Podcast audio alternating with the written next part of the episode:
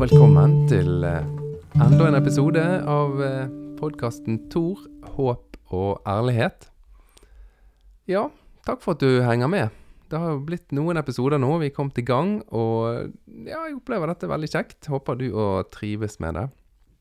I, eh, vi fortsetter litt i samme gate som vi har gjort i første episodene.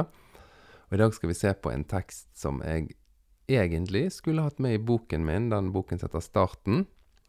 Men jeg utelot den rett og slett fordi at den inneholder så ekstremt mye. Det hadde blitt en uh, kjempefortelling i seg sjøl. Så den, den, lot jeg rett og slett ligge. Men så tenkte jeg da er det litt gøy å se på noen sider av denne fortellingen i podkasten istedenfor. Og denne gangen så har jeg faktisk tenkt å gjøre noe som jeg vanligvis ikke gjør. Jeg skal si hvor og du finner den, i hvilket kapittel. Uh, du finner den i Bibelen, denne samlingen av bøker som har blitt til gjennom mange hundre år, og som har vært oversatt og tilpasset og endret gjennom årtusener. Uh, men sånn som du kan lese denne fortellingen, det er en ganske opprinnelig utgave av den teksten.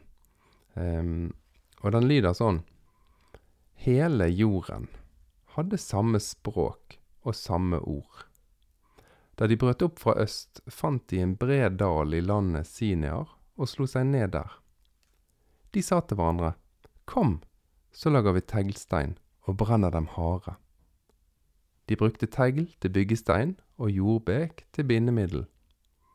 Og de sa, Kom, la oss bygge oss en by og et tårn som når opp til himmelen, og skaffe oss et navn, så vi ikke blir spredt utover hele jorden.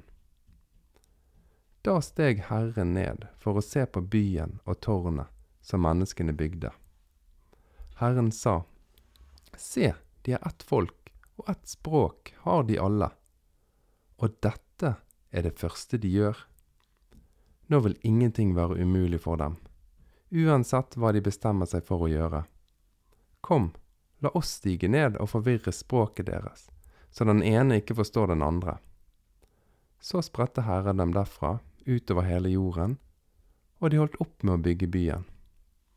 Derfor kalte de den Babel, for der forvirret Herren hele jordens språk, og derfra spredte Herren dem utover hele jorden så kan du bare forkaste denne fortellingen og så tenke at ja, de var litt enkle før. De trodde at det var den måten alle språkene ble til. Men da tror jeg du går i den grøften som vi snakket så vidt om i forrige episode, og tenker at de var dummere før. Jeg tror ikke de var dummere før. Jeg tror at de som har, eh, var forfattere, og de som skrev denne fortellingen, hadde fått med seg noe veldig smart. Noe som de hadde lyst til å formidle videre til generasjoner som kommer. For de hadde sett noe. De hadde sett noe som vi mennesker har en tendens til å gjøre med en gang vi får en posisjon og en mulighet til å gjøre det. Det ligger nær oss alle. Og du kan først se på det, eller vi kan først se på det sammen nå, i litt stort perspektiv. Da er det lett å forstå hva vi mener. Hvis du tenker uh, den uh, kommunistiske revolusjonen som et sånt stort eksempel på dette. Der prøvde noen å bygge et navn og si at sånn kan vi ordne samfunnet, så blir alt bra. Og mange mennesker, også i Norge, ble grepet av den tanken. Og en ble virkelig giret på å bygge et stort navn og få orden på ting. Men etter hvert som tiden går, så oppdager en at oi, vi snakker ikke helt samme språk. Det er jo ikke dette jeg vil. Jeg er jo ikke ute etter et undertrykkende regime der noen få mennesker sitter med all makten og skal fordele liksom alle godene, men sjøl beholder de det aller meste. Dette er ikke det jeg var med på i starten. Så i sånne store sammenhenger er det lett å se at noen prøver å bygge seg et navn. Denne fortellingen den tar utgangspunkt i en situasjon der menneskene lever i et jaktsamfunn. Og hvis du har vært litt oppmerksom her og lest i kapittelet før, så står det at den som var grunnleggeren av denne byen, han var en mektig kriger, eller en mektig jeger. Han var en som hadde ressurser. Han var en som hadde klart seg i livet. Og det han gjør når han har ressurser, det er å bygge seg et navn. Og så begynner folkene rundt å tenke Oi, jeg må visst være med å bygge dette navnet, for det er løsningen. Da blir ikke vi spredd utover. Da er det en som kommer til å gi oss trygghet, en som kommer til å beskytte oss. Så bygger de et samfunn der alle bygger navnet til den ene personen. Men det er klart at etter hvert som tiden går, så slutter folk å snakke det språket. Nei, dette vil ikke vi være med på. Det var ikke dette jeg var med på i utgangspunktet. Nå er jeg bare blitt en trell for systemet til denne mannen som var en mektig jeger, og som hadde ressurser. Sånn har ikke jeg lyst til å leve. Kjenner du litt igjen? Vi kan dra det helt ned på det enkle planet. Liksom, du er i klubben din, og så gjør du det bra og lykkes i jobb og tjener plutselig bra med penger. Det er så pinlig å si det, men sånn er nå vi mennesker. Vi er så enkle som dette. Da får du en status, og så får du et navn. Og så får du en bedre plass og posisjon i gruppen fordi at du har lykkes, og du er litt helt. Vi driver alle og prøver å bygge oss et navn. Jeg har vært med på et sånn veldig intenst eh, menighetsarbeid der vi også prøvde å bygge oss et navn. Vi tenkte ikke sånn over det sånn i bunn og grunn at ja, nå skal vi bygge oss et navn, men det var det som egentlig var drivkraften. Vi skal gjøre noe heftig, vi skal gjøre noe kult, vi skal forandre noe som gjør at vi blir kjent. Det ligger til bunn og disse folkene som har skrevet denne fortellingen, de satt jo i fangenskap under et uh, stort regime. Og de hadde sett dette skje. De hadde sett at sånne her riker og navn, de vokser opp. De skyter opp. Men så begynner folk å skjønne at oi, vi snakker ikke helt samme språk. Dette er ikke jeg så interessert i å være med på. Det var ikke derfor jeg begynte å være med og bygge denne byen, for at det skulle bygges et stort navn. Nei, jeg snakker ikke det språket. Dette er ikke min greie.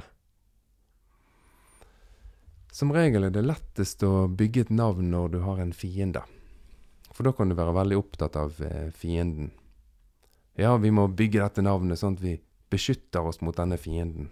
Da kan vi bygge dette navnet sånn at vi kan få satt opp disse murene og stengt ute disse flyktningene for ellers så går det galt med oss.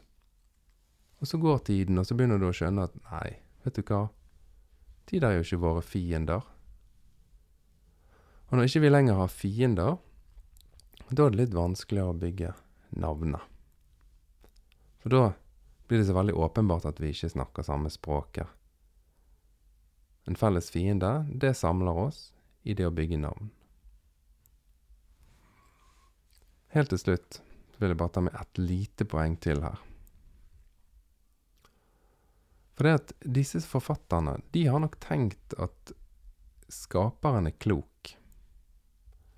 Og skaperen kommer ned her og ser på det som de holder på med. Og så har det al altså stått i kapittelet før at den som begynte dette her prosjektet, med å bygge denne byen og samle dette folket og samle denne rikdommen og bygge dette navnet sitt stort, det var en med ressurser. Og så sier skaperen at herlighet, her har de ressurser, her har de mulighet til å ta vare på hverandre.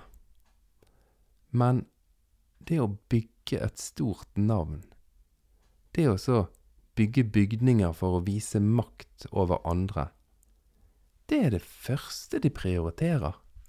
Dette går jo ikke an. Sånn kan ikke vi la det fortsette.